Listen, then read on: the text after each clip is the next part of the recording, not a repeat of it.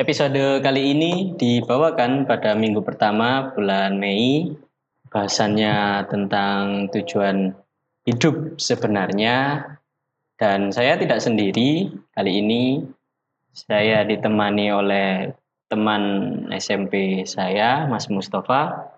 Halo Setia. guys, Mustafa di sini dan ini adalah podcast akhir peradaban.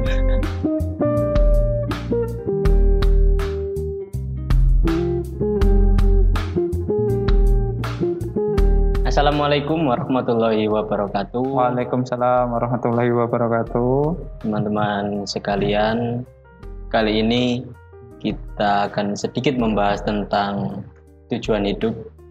Kita sedikit berpaling dari wabah COVID-19 yang tidak tahu kapan selesainya ini dan ya kita sama-sama tahu bahwa COVID-19 ini sudah sangat mengkhawatirkan bahkan sampai di sisi perekonomian saya sendiri terdampak sangat signifikan.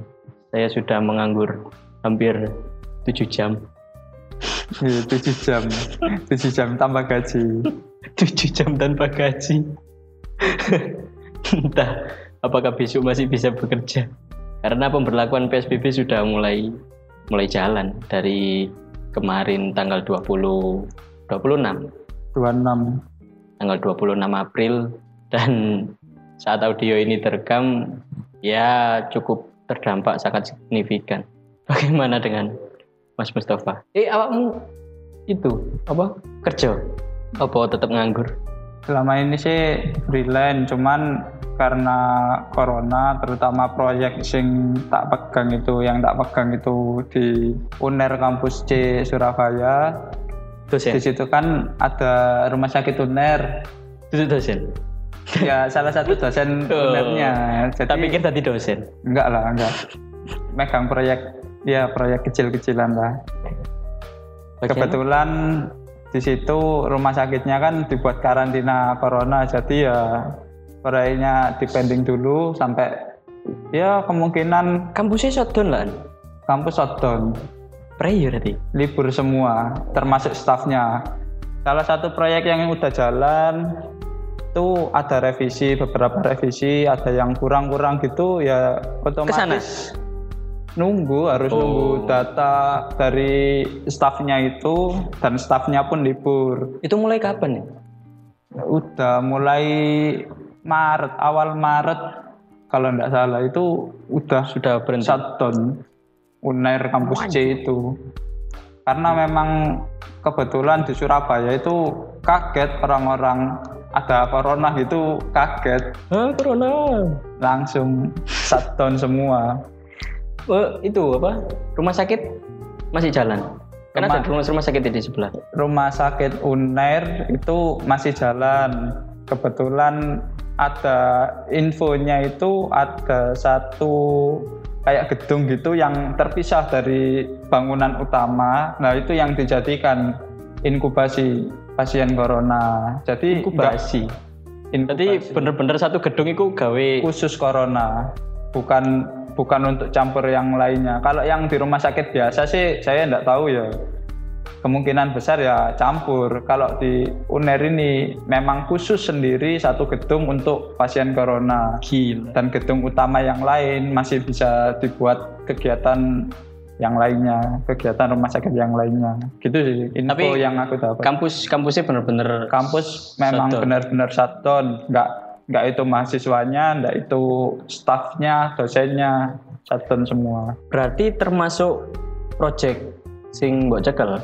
termasuk proyek yang tak pegang juga pending dulu sampai selesai corona Hitungannya staff apa bukan? kalau proyek yang tak pegang itu ngurusin stafnya jadi Jadi orang ketiga atau orang kedua? orang ketiga Orang ke Oh, jadi memang dari pihak staf unernya manggil eh, manggil saya project gitu. Mm-mm, untuk project itu. ya gitu Pendapatan berarti dari Maret off. off dari Maret sampai sekarang off. Ini juga kebetulan kan juga ngajar ekstra kulikuler di salah satu pondok di Surabaya. itu juga off pendidikan off Ngajar apa? ekstrakurikuler multimedia. Oh, Jadi ngajar dia desain grafis lah, walaupun nggak bagus-bagus amat. bisa lah. itu juga off juga. Jadi pemasukan benar-benar bener-bener mati. ya itulah Sektor dibilang gitu. sektor kreatif shutdown. shutdown. Ya enggak semuanya shutdown sih, cuman beberapa instansi kalau kebetulan megang instansi yang shutdown pasti shutdown. Kalau punya beberapa planning untuk kegiatan kerjaan gitu, kalau instansinya enggak shutdown pasti bisa jalan. Insya Allah sih kayak gitu sih. Tapi kalau di bidang kita kita ini kan sama-sama anak multimedia. Heeh. Dalam bidang multimedia mungkin untuk eh, masa-masa sekarang ini bisa dibilang lebih harusnya ya, harusnya kan bisa lebih maksimal. Har- harusnya bisa lebih maksimal. Karena Cuman kan gini, ingat lagi bidang multimedia itu belum semua orang paham, belum semua orang tahu kebutuhannya harus seperti apa. Dan bidang multimedia itu biasanya nilai proyeknya besar. Hmm, jadi nggak nggak bisa ditentukan dengan kontinu ya tidak bisa dihitung melalui kontinuitas. Maksudnya tidak berkelanjutan terus menerus Iya, itu. kemungkinan ada yang ada. Ya, yang budgetnya besar ada. ada Kalau harusnya budgetnya kecil, kemungkinan ya satu dua kali pakai udah. Sudah selesai. Untuk wab- masa-masa wabah seperti ini yang sering dipakai apa contohnya? Desain poster atau foto yang utama sekarang itu di masa wabah ini foto produk untuk digital market kayak ya Lazada, Shopee itu oh kalau apa foto produknya. foto produknya sama nanti diedit promo atau apa Hmm. gitu itu sih yang oh, iya, benar-benar utama. Cuman kalau untuk orang-orang freelance itu biasanya toko itu nggak pakai. Soalnya toko itu minimal punya satu desainer sendiri Oh iya, buat desain-desainnya marketplace mereka sendiri gitu. masuk Jadi- akal masuk akal. Kalau freelance, freelance yang masih sangat-sangat free. Sangat-sangat free, jadi masih belum banyak pengalaman di bidang freelance, kemungkinan sih ya bro kamu harus sabar. Karena pemasukanmu juga dalam ancaman ini. Selain kesehatanmu, pemasukanmu juga dalam ancaman. Lah, dalam melalui hal-hal yang anggap aja kita kita dalam hal yang sama, perbedaannya mungkin eh, di bidang ya pendapatan. Mhm. Karena bisa dibilang eh, pendapatan freelance kan tidak tidak apa ya? Tidak begitu menentu. satu, Satu, tidak, tidak menentu. menentu. kedua kan tidak tidak bisa diandalkan ya mungkin ada kalau proyeknya besar seperti di UNER bisa mungkin untuk ya menyambung kehidupan atau sampai menabung. Tapi kan tidak tidak apa ya tidak sampai bisa untuk kehidupan selanjutnya. Selama manajemen keuanganmu bagus, insya Allah bisa sih. Walaupun itu tidak banyak, tapi kamu bisa. Kalau boleh tahu berapa digit? Kira-kira 6 6, 6 digit itu udah lebih dari cukup sih. Per proyek 6 digit itu udah lebih dari cukup. Udah lebih dari cukup. Lumayan kalau 6, per, pro- 6 digit. per project itu per project. 6 digit kecil pun itu bisa untuk hidup 3 sampai 4 bulan kalau saya pribadi. Tidak tahu kalau orang-orang ya. 6 digit untuk 3 sampai 4 bulan. 6 Wow. digit kecil 6 digit bawah. Kalau 6 digit atas ya bisa lebih panjang lagi. Wow tergantung Irit manajemen keuangan masing-masing orang kan beda-beda. Kebutuhannya pun juga beda-beda. Irit Itu sih. apa pelit anda? Pelit. Irit sama pelit nggak beda jauh. Lebih ke pelit mungkin. Ya kalau bisa dibilang kan juga karena corona ini juga eh, lebih lebih ke arah apa ya me- mematikan hampir seluruh perekonomian bukan seluruh perekonomian lagi ya mungkin ada beberapa beberapa apa sektor industri yang merasa lebih diuntungkan seperti kesehatan kemudian bahan pangan. Tapi di sektor kreatif kan seperti kita yang hidup di sektor kreatif juga harusnya harusnya sih bisa. Harusnya tapi nyatanya nggak bisa.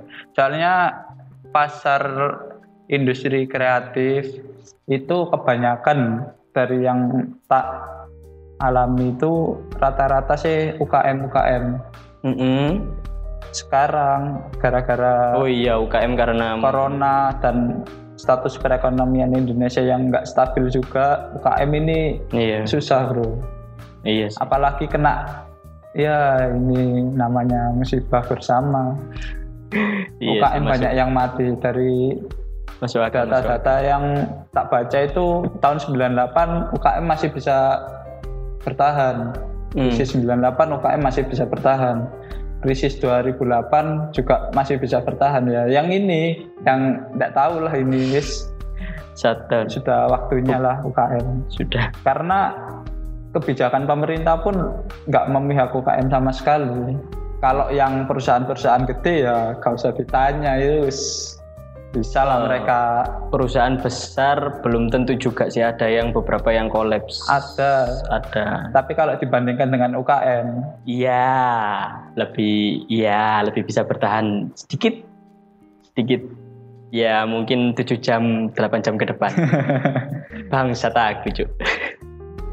lah selama nganggur ini apakah ada apa ya mungkin desakan-desakan untuk memulai ya mungkin eh, mencari S2 men- Eh, mencari istri, mencari ya apa pun lah. Karena tidak ada aktivitas untuk mencari uang, mungkin ada desakan dari orang tua, ada desakan dari ya keluarga-keluarga lain untuk ya tandur lah tandur, nak sawah, ngono kalau saya sendiri sih tidak ada sih dari orang tua pun juga udah percaya kalau saya bisa saya bisa hidup dengan 6 digit. 6 digit kecil itu tadi untuk 6 beberapa digit 4 bulan. bulan itu hebat loh menurutku.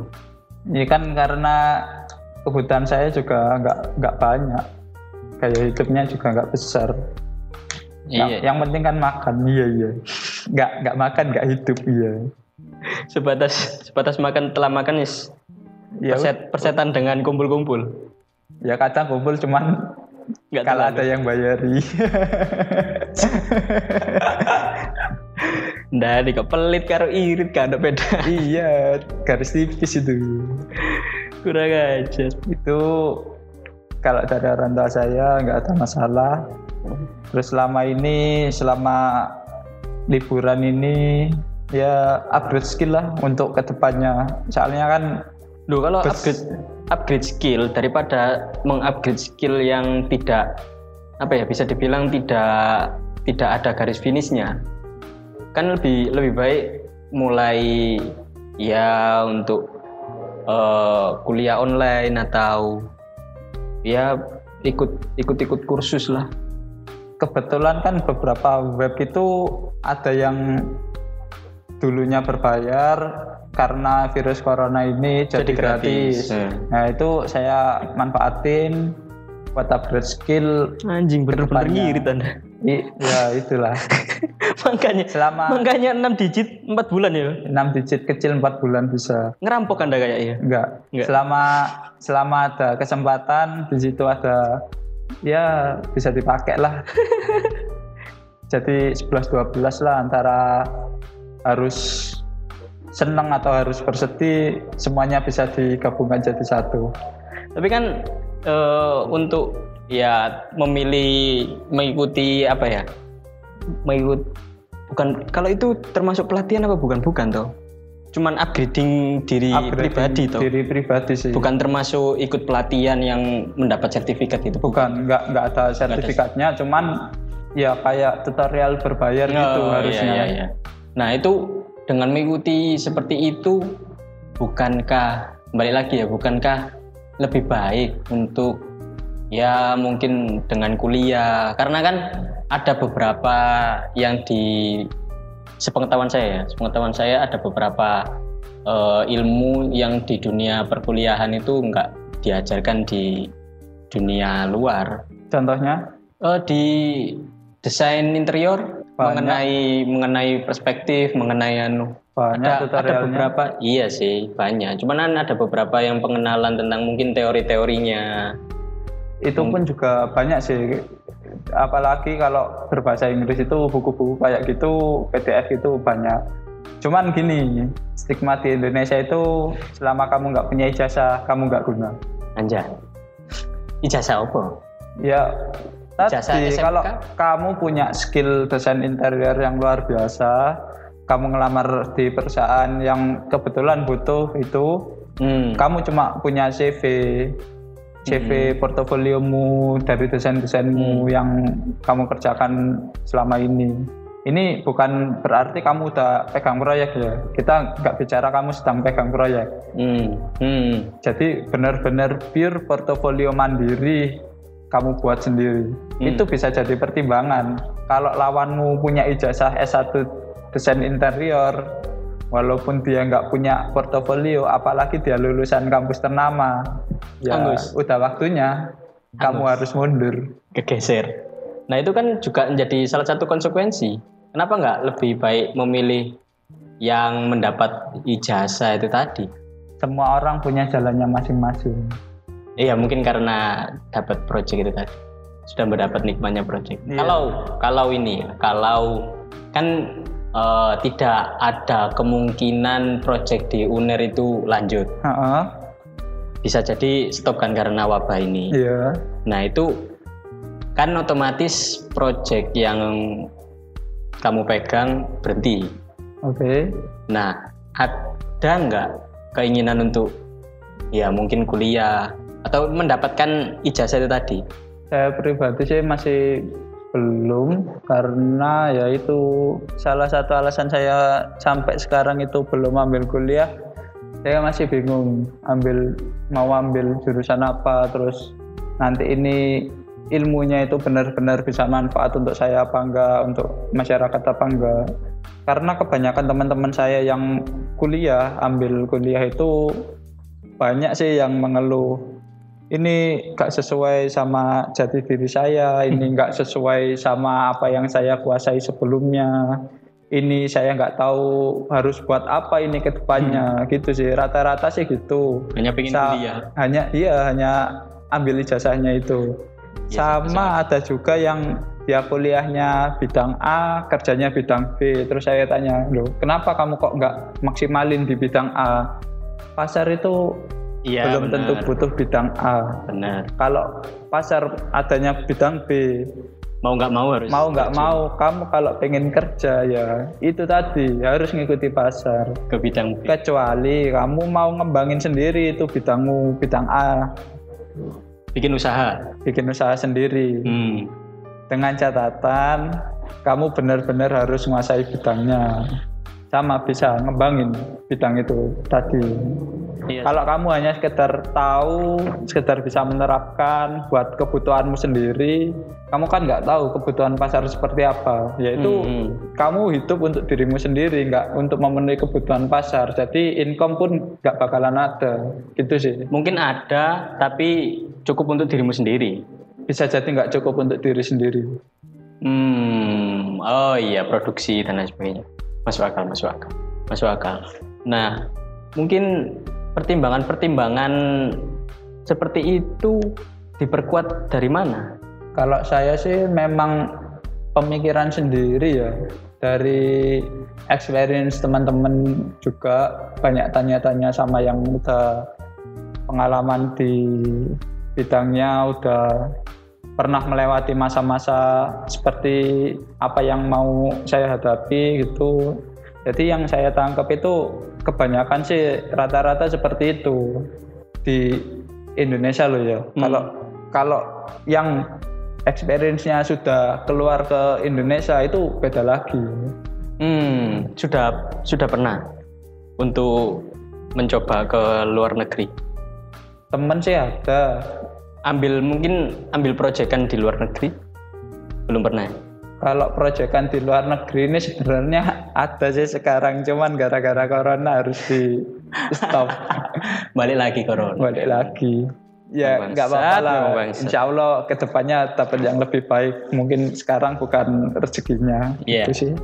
Nah, eh, kan tadi bahas eh, mengenai ya kenapa orang ya kenapa mas masyarakat lebih memilih pekerjaan A daripada kemampuannya yang B gitu ya kayaknya. Iya, kurang lebihnya seperti itu. Lah, itu kan harusnya apa ya? Mereka bisa bisa me- memikirkan hal tersebut harusnya kan. Kenapa mereka anggap saja mereka ikut eh, teknik teknik sipil, Oke. teknik sipil, kemudian pekerjaan yang dibutuhkan adalah anak desain interior. Oke. Nah, otomatis teknik sipilnya ini kan tidak ya mungkin berguna sedikit, Heeh. berguna sedikit, tapi kan tidak banyak diperlukan. Iya sih. Otomatis ada waktu yang banyak terbuang di situ. Iya, kuliahmu jadi terbuang sia-sia. Gitu sih. Lah itu pertanyaannya kan tujuannya itu untuk apa? Apakah hanya sekedar untuk ijazah itu tadi? Kebanyakan seperti itu. karena karena kan eh ya ya memang tidak tidak bisa dipungkiri sih ijazah memang jadi momok untuk pencari pekerjaan tapi kan eh, masa hanya sebatas dari ijazah itu menjadi kartu sakti yang bisa merubah tujuan orang bisa merubah sudut pandang orang terhadap jurusan yang dia ambil atau terhadap eh, apa pandangan hidup yang dia ambil Kalau dia berpikiran yang penting gue kerja, yang penting gue dapat income, why not ambil apa pun yang ada di depannya. Walaupun ijazah ijazahnya tertulis jurusan A, adanya kerjaan jurusan B, ya gue masuk kerjaan B nggak masalah. Yang penting gue dapat uang, itu sih. membalikan ijazah tadi. Nggak ijazah, peduli. Ijazahnya kan Yang penting Bayar. ijazah bisa bantu gue masuk ke kerjaan B itu tadi. hmm, tapi kan ada jog, ada jogi kan, Joki apa? jogi jasa. Wah, kalau itu ada, cuman ya ya itulah. Eh, gak gak berani ngomong aku. Ada ada ada, tenang aja ada. Dan harganya lebih murah daripada kuliah. Nah, di setiap pilihan itu kan pasti ada apa ya? Pasti ada konsekuensinya masing-masing. Pasti. Entah entah itu waktu yang terbuang, entah itu uang yang terbuang, apa pun lah. Nah, di sisi seorang Mustafa yang tidak memikirkan hal seperti itu, apakah ada satu sisi di mana memikirkan tujuan tujuanku untuk tidak berijazah, tujuanku untuk mendapat eh tujuanku untuk berproject ini itu apa tujuanku untuk ya persetan dengan uang 6 digit yang penting aku bisa makan itu apa sih yang membuat pergerak eh, bukan pergerakan apa yang membuat pemikiran itu sangat sangat kuat gitu? Experience yang udah tak dapat. Se- seberapa banyak experience? Dari experience kan bisa bisa macam-macam ya. Termasuk dari sekolah juga bisa ada experience eh, yang diceritakan tapi tidak secara langsung. Ya itu experience di sekolah sih kebanyakan experience experience penunjang untuk kerja, penunjang kerja eh, penunjang kerja. Kalau experience kehidupan ya bakalan dialami sendiri. Nah ini yang jadi alasan utama saya nggak mikirin yang lain-lain. Kalau saya bisa seperti ini dan bisa lebih baik lagi dengan cara yang seperti ini, kenapa nggak saya lakukan? Cuman kembali lagi konsekuensinya kamu udah buang waktu buat ambil proyek, kamu udah bisa dapetin duit sendiri, konsekuensinya kamu gak punya ijazah, mm-mm. kamu gak punya kerjaan tetap. Itu nanti imbasnya kalau ke depannya proyekmu ini mati mati. iya bener-bener mati Itu sih imbasnya. Jadi juga harus mikirin konsekuensinya, nggak cuma oh ini enak rek proyek bisa dapat 6 digit, 7 digit, 8 digit sekali proyek. beda dengan yang kerja tiap bulan gajian ya tetap segitu aja flat gitu Bener banget. cuman konsekuensinya kalau nggak bisa manajemen uang dengan baik nggak bisa ngatur hidup dengan baik manajemen waktu dengan baik pasti dia bakalan lebih hancur daripada orang yang bekerja jadi buruh maupun jadi tukang gitu Hmm. mending kalau kamu nggak bisa manajemen proyek, nggak bisa manajemen keuangan, manajemen waktu dengan baik, jadi tukang itu masih lebih oke daripada kamu harus freelance sambil proyek-proyek seperti ya saya sih gitu ya. Mending jadi tukang, tukang tinggal tinggal Ya tinggal kerja. tinggal kerja hari itu dapat duit hari itu besok ada lagi dapat duit lagi gitu sih Iya, nggak terlalu nggak nggak perlu mikir yang muluk-muluk kamu udah dapat duit gitu. Iya sih. Masuk. kerja di pabrik pun juga gitu. Nggak nggak ada masalah sama wah gue harus mikirin ini harus mikirin ini gimana caranya ini ya? Nggak penting itu. Yang penting kamu besok hadir absen tepat waktu pulang tepat waktu nggak buat masalah di kerjaan duit lancar.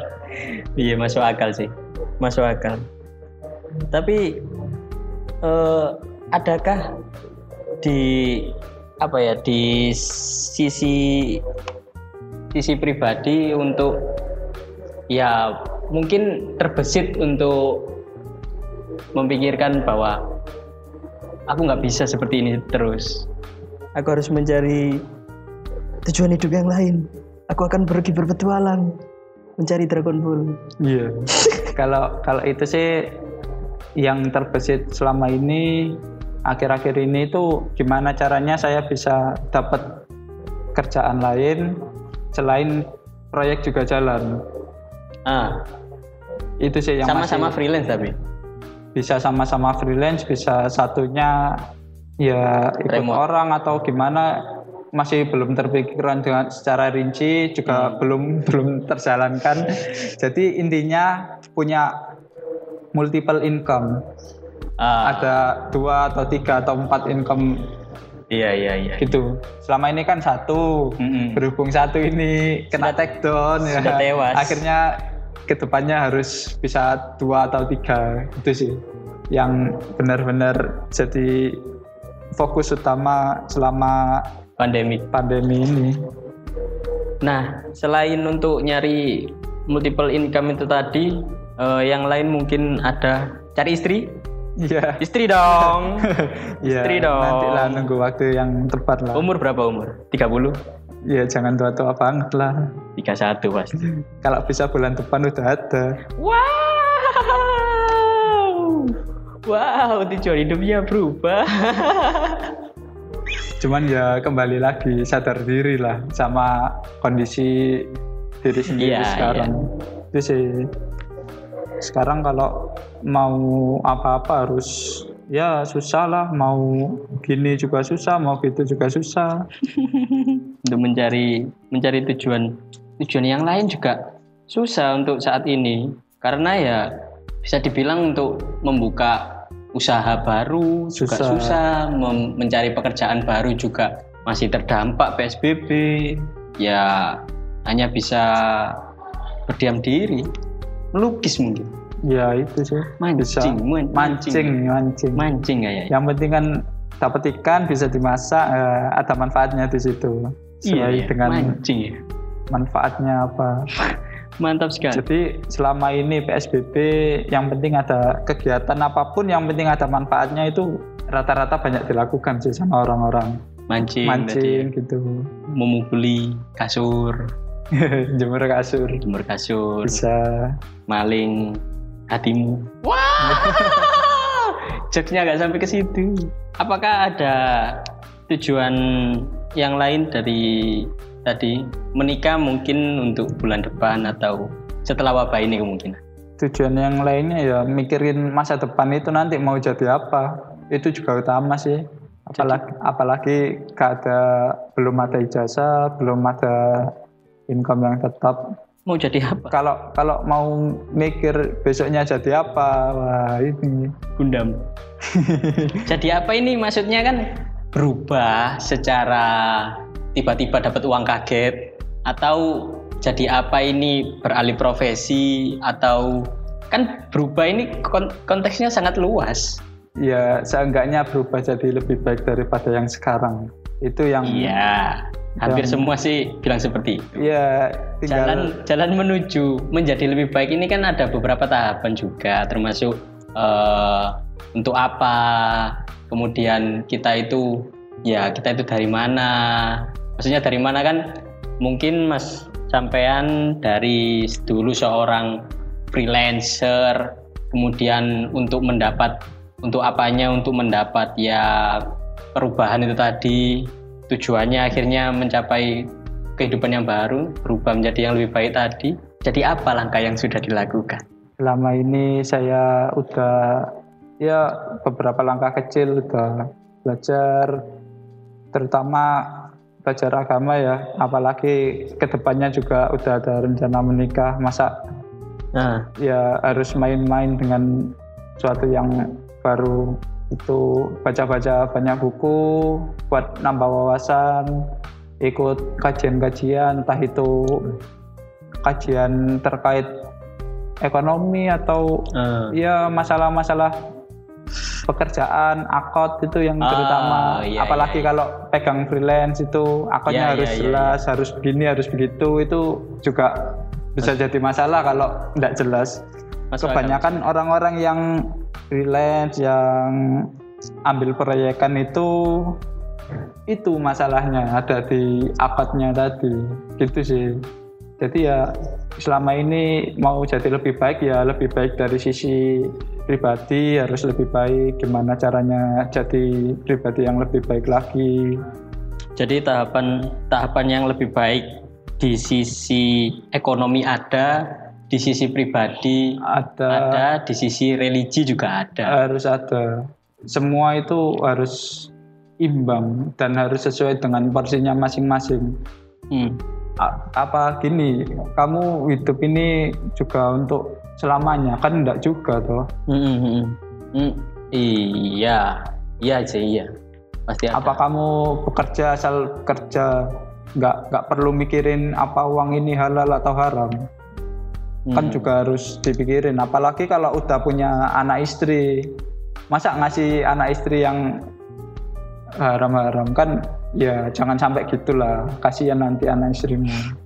Iya, terutama kamu sih yang lebih kasihan. Kamu yang ngasih makan mereka kok. Betul bet- betul betul betul betul. Jadi harus lebih visioner mulai dari sekarang. Kalau visionernya nanti udah tua Telat. telat lah. Bukan visioner.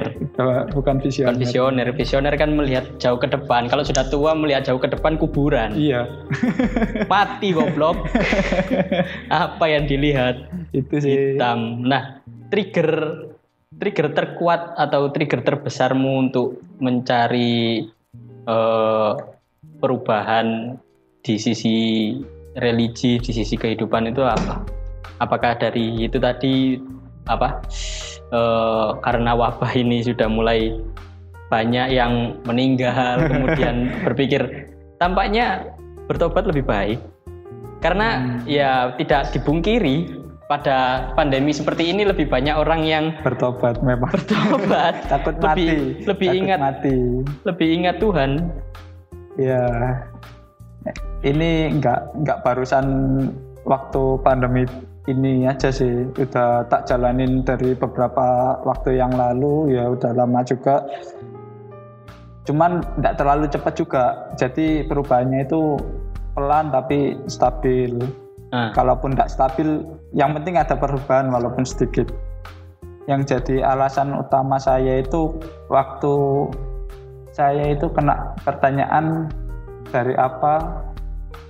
Untuk apa mau ke mana maksudnya dari gimana itu? salah satu seorang ustadz yang ya kebetulan saya ikut kajiannya Hmm, jadi dari apa sih kamu dari mana sih kamu itu berasal hmm, kalau orang umum pasti jawabnya kan Dari ya ibu. dari orang tua saya dari ibu ibu dari ibu ibu dari ibu, ibu, ibu dari dari ibu, ibu, ibu dari ibu. ya segitu terus sampai Nabi Adam ya. Ya emang benar. Cuman dia lupa kalau dia diciptakan. Ah, sih. Benar benar benar. Itu yang pertama. Yang kedua, untuk apa sih saya diciptakan? Ustadz itu bilang kalau manusia, jin, malaikat itu diciptakan untuk beribadah kepada Allah. Nah sekarang kalau saya mau hidup seenak saya sendiri ya jadi binatang aja. Kena ngapain jadi manusia? Jadi corona. Ya boleh sih jadi virus juga. Hidup hidup sesukanya. Hidup jadi virus itu jadi bisa harus tahu lah mana yang memang tujuanmu diciptakan sebagai manusia itu apa nggak banyak orang tahu esensi dari beribadah kepada Allah ini seperti apa Hmm. banyak yang menganggap oh selama saya sholat selama saya puasa zakat cukup. infak itu udah cukup padahal nanti khawatirnya ya kayak yang akot tadi akotnya Salah. salah atau enggak sesuai dengan yang seharusnya. Di situ mengandung unsur-unsur yang merugikan satu pihak dan menguntungkan satu pihak. Itu kan enggak bukannya enggak boleh cuman sebaiknya dihindari di situ. Ah. seperti itu. Jadi untuk hidup ini ya kalau bicara hidup ini untuk apa jawab untuk beribadah itu memang gampang tapi penerapannya itu yang luar biasa Esensi untuk beribadah di mata masyarakat kan berupa ya ibadah, iya yang penting sholat, sholat gitu zakat. Tapi esensi ibadah di mata Mas Mustafa ini seperti apa? Apakah hanya sebatas sholat itu tadi, kemudian berbuat baik? Kan sering-sering seperti itu berbuat baik kepada sama manusia, berbuat baik kepada tetangga, Iya. bersabar. Kalau ada yang membogem, ya jangan dibales, pukul. Iya beribadah kalau menurut saya ini hidup ini kan sudah ibadah jadi apa pun yang kamu lakukan selama itu sesuai dengan syariat yang Allah turunkan sesuai dengan Al-Quran sesuai dengan sunnah yang dicontohkan oleh Nabi kita itu insya Allah bisa jadi ibadah Hmm. Jadi semua itu ada nilai ibadahnya. Jangan katakan kamu, oh saya ini kerja, saya kerja ini, saya kerja itu. Itu bukan ibadah. Itu termasuk ibadah, apalagi udah Hmm. berkeluarga gitu. Oke. Itu cuman ya jangan terlalu polos-polos amat. Nanti yang haram-haram kamu kerja ambil yang haram-haram. Kan saya kerja kamu ini. katakan ibadah ya nggak gitu juga kan ada larangannya dulu. Iya. kamu juga harus tahu dulu mana yang dibolehkan, mana yang dilarang itu juga harus tahu dulu sebelum kamu beribadah. Karena hukum asalnya ibadah kalau yang saya ikuti kajiannya itu hukum asal ibadah itu haram. Haram.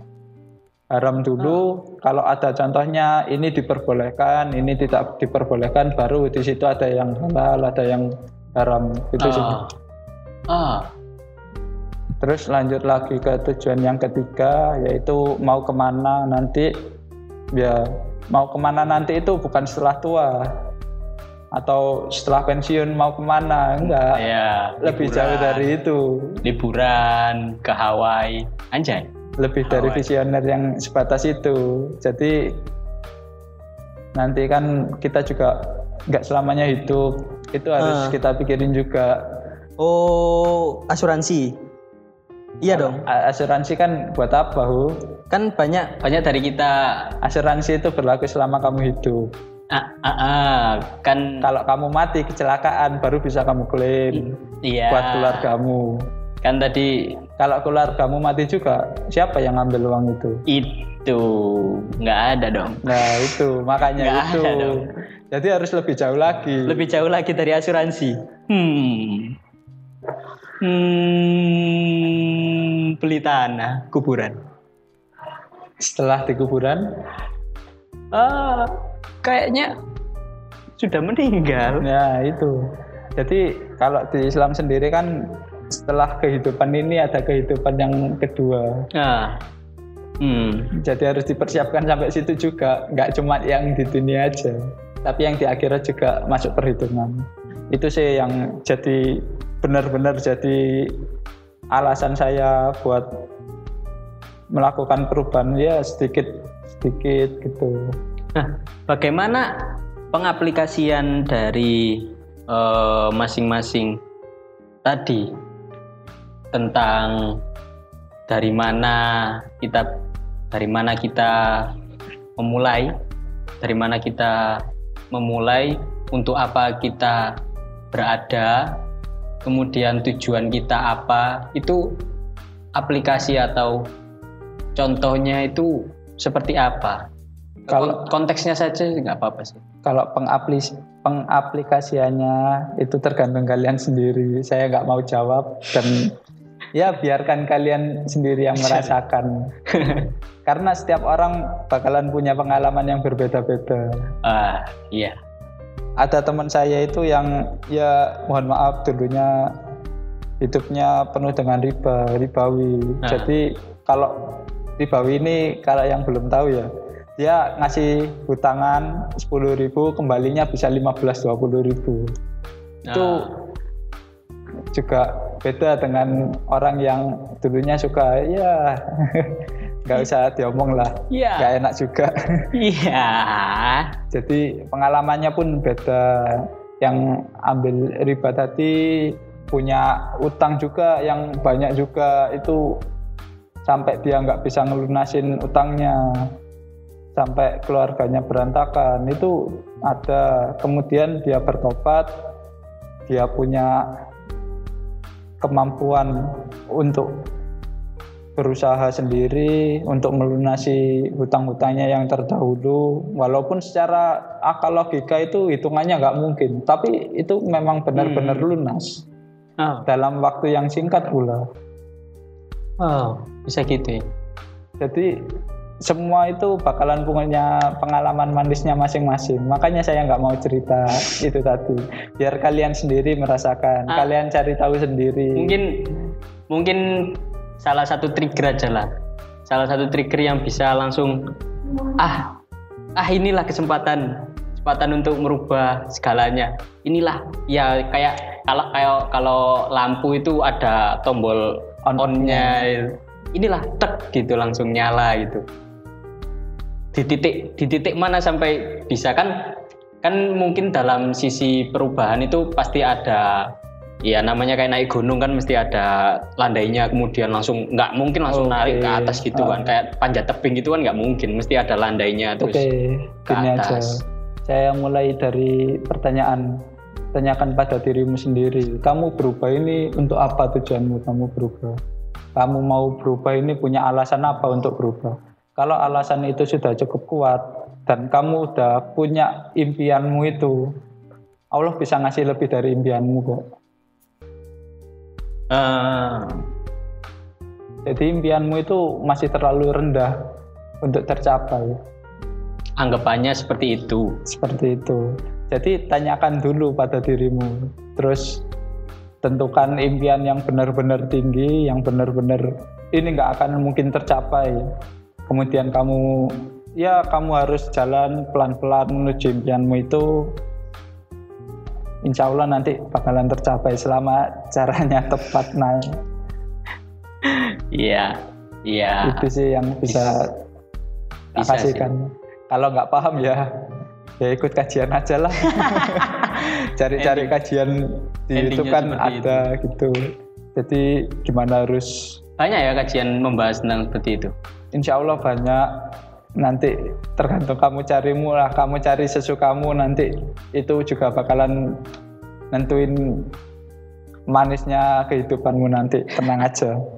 Jadi semua orang nanti beda ukuran perubahannya, Perubahannya. Sisi, sisi perubahannya tergantung orangnya juga tergantung cara memahaminya tergantung masuk akal masuk akal setiap orang memiliki ya keunikannya masing-masing begitu pula dengan pemahamannya tentang tentang Kehidupan. kehidupan tentang alam semesta. Anjay.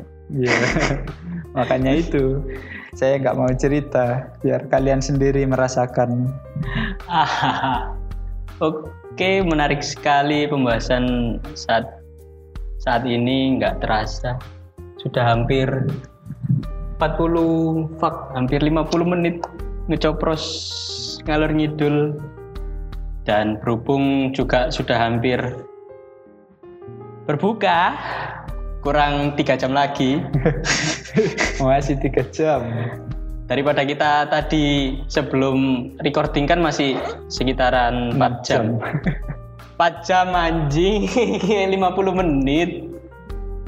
Masih sekitar 3 jam lagi ya bisa lah kita untuk prepare Masa? mokel. Prepare mokel. Tidur lah. Jadwal tidur sekarang ini. jadwal tidur. Oke biar Menunggu berbuka puasa dengan tidur itu adalah suatu tidak, oh iya ibadah. tidak tidak ada ngabuburit. Tidak. Biasanya kan jam-jam se- seperti ini itu rawan. Bukan rawan sih. Eh, jam-jam sibuk untuk ngabuburit. Ngabuburit. Karena nggak ada ya buat aja ya. tidur. Apa kamu juga bisa nunggu buka puasa sambil ngopi juga bisa bisa bisa nggak diminum ya iya ditunggu aja kopinya tunggu dingin dibikin, dibikin, dibikin, dibikin buat mandi. Eh, mungkin sampai di situ pembahasan kita hari ini. Terima kasih untuk Mas Mustafa sudah bergabung, sudah apa ya sharing-sharing dengan kita di sini. next time undang lagi nggak Tidak, oke tidak dong, karena Kalau- Anda sulit. Ini kalau ngundang lagi ya tahu sendirilah perekonomian saya seperti apa. Tadi sudah saya ceritakan jadi harus ada ya. Oh iya, Eh, mungkin Mas Mustafa akan saya undang lagi ketika pertengahan bulan ini, Mei. Bulan Mei, oh iya sih sekarang Mei. Pertengahan bulan bulan Mei, sampai lupa bulan saking lamanya di rumah. Pertengahan bulan Mei karena mungkin eh, sudah Idul Fitri oh dan oke. tidak boleh mudik, tapi boleh pulang kampung. iya Karena saya sendirian kemungkinan, mungkin anda saya ajak dan saya pasti akan mencari hari yang masih ada puasanya, oke biar tidak saya kasih apa-apa. Oke? mentan aja nggak apa-apa kok Tidak, tidak, tidak bisa. Kita mungkin cari tahu tek bersama. Wah. Oke lah Terima kasih Ya, untuk sama-sama. Mas Mustafa dan jangan lupa untuk mengawali hari dengan berikhtiar, bertawakal, dan ingat bahwa kita sekarang berada di akhir peradaban. Wassalamualaikum warahmatullahi wabarakatuh.